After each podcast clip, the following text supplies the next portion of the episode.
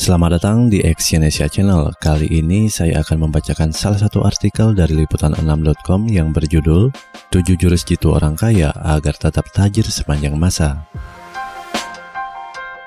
Entah mengapa banyak orang di zaman modern kerap mengupayakan segala cara agar tampak lebih kaya daripada kondisi finansial sesungguhnya. Hal itu didukung dengan mudahnya kredit yang ditawarkan berbagai bank. Sementara seseorang yang benar-benar kaya justru berlaku sebaliknya tak sama sekali menunjukkan harta bendanya. Para orang kaya itu biasanya justru tampil seperti orang biasa di lingkungan dan bekerja dalam jam kerja yang sama dengan yang lainnya. Sebaliknya, orang yang gaya hidupnya terlihat paling mewah dan mengundang iri sesamanya mungkin justru miskin harta dan menderita. Fenomena menyaingi kelebihan orang lain pun akan terjadi secara berantai akibat keinginan tersebut. Jadi, putuskan lingkaran itu dan mulai fokus pada hal-hal terbaik dalam kehidupan. Yang terutama, lakukanlah apa yang dicintai, sebab hal itu akan berujung pada kebahagiaan. Berikut ini sejumlah trik jitu yang dijalani orang kaya agar kekayaan mereka tetap bertahan selamanya seperti dikutip dari listverse.com. Yang pertama, beli barang bekas. Ada beberapa benda yang memang tidak boleh kita beli sebagai barang bekas, misalnya pakaian dalam atau makanan. Selain barang-barang itu, para orang kaya akan menjadi yang pertama meraup harga murah dengan membeli yang bekas. Kaum tersebut cenderung tidak membeli mobil baru. Alasannya karena mereka paham betul dengan depresiasi sebuah mobil baru. Atau jikapun membeli mobil baru, mereka akan menggunakannya lebih dari 10 tahun. Orang kaya juga senang barang antik yang tidak selalu mahal dan perabot bekas. Pada dasarnya mereka memang senang membeli barang bekas, sebab uang yang dihemat dari membeli barang-barang demikian bisa diputar di tempat lain untuk mengamankan masa depan finansialnya. Yang kedua, membeli properti yang terjangkau. Orang kaya membayar tunai rumah mereka atau melakukan pembelian dengan uang muka setidaknya 15%. Mereka juga cenderung membeli properti senilai tidak lebih dari 2,5 kali nilai pendapatan tahunan setelah pajak. Kaum tersebut biasanya membeli rumah tua dari zaman sebelum perang dan jarang membeli rumah bangunan baru atau melakukan pembangunan rumah. Hal tersebut mungkin berasal dari psikologi orang kaya yang memberi nilai penting pada mutu dan tidak menanggung depresiasi barang atau benda baru. Bukan orang yang benar-benar kaya yang membeli rumah mentereng jutaan dolar. Properti demikian lebih untuk orang dengan pinjaman besar, ego yang besar, dan persoalan besar dalam hal keuangan atau segelintir orang yang menang lotre. Yang ketiga, membeli untuk dipakai selamanya. Ada salah kaprah dalam penilaian ekonomi. Ternyata membeli yang murah bukan selalu menjadi yang terbaik. Lebih baik membeli sepatu seharga 100 dolar dan tahan 5 tahun daripada membeli 5 pasang sepatu senilai 20 dolar tapi harus diganti setiap tahun dan perlu 5 kali bolak-balik ke tokonya.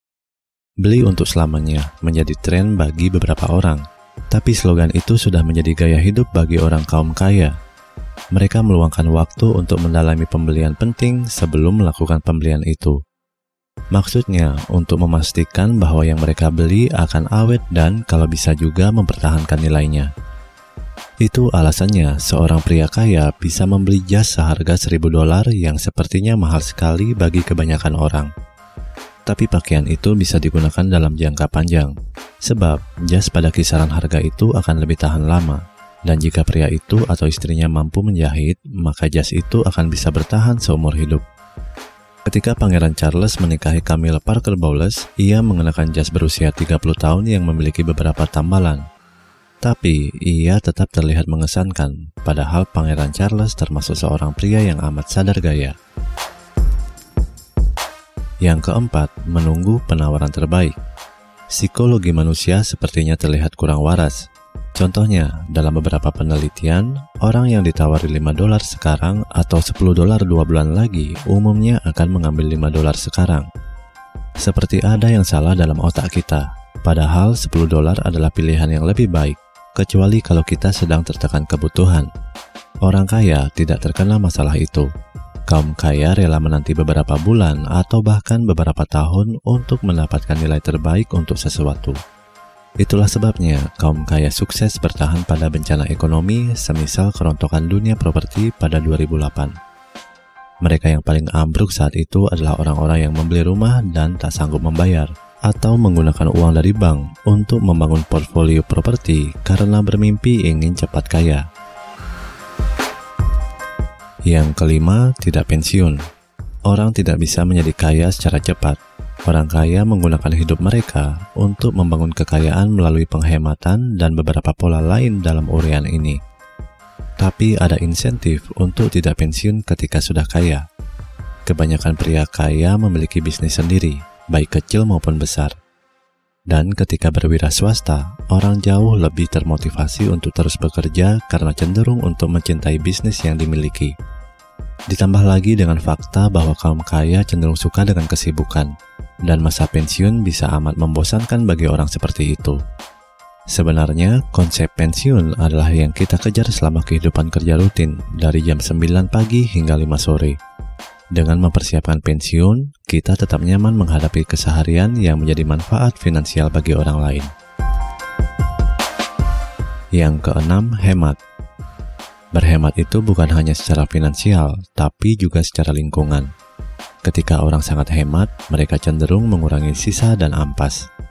Misalnya ada orang yang mengumpulkan tali dari sebuah bungkusan hadiah yang diterima, bukan karena bersifat pengumpul, tapi sadar akan memerlukannya suatu saat nanti.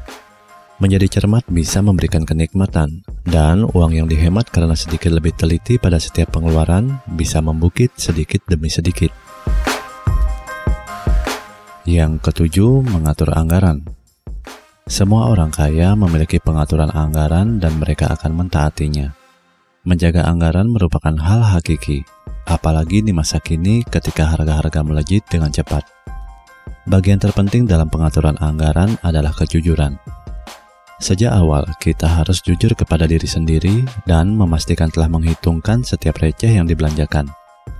Orang kaya menelisik anggaran mereka berjam-jam lamanya, guna memastikan agar tiap penyimpangan akan ketahuan.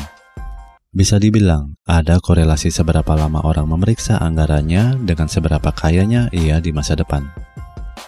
Terima kasih telah mendengarkan audio artikel ini dan silakan cek link di bawah untuk membaca artikel dari audio ini di liputan6.com. Salam sukses.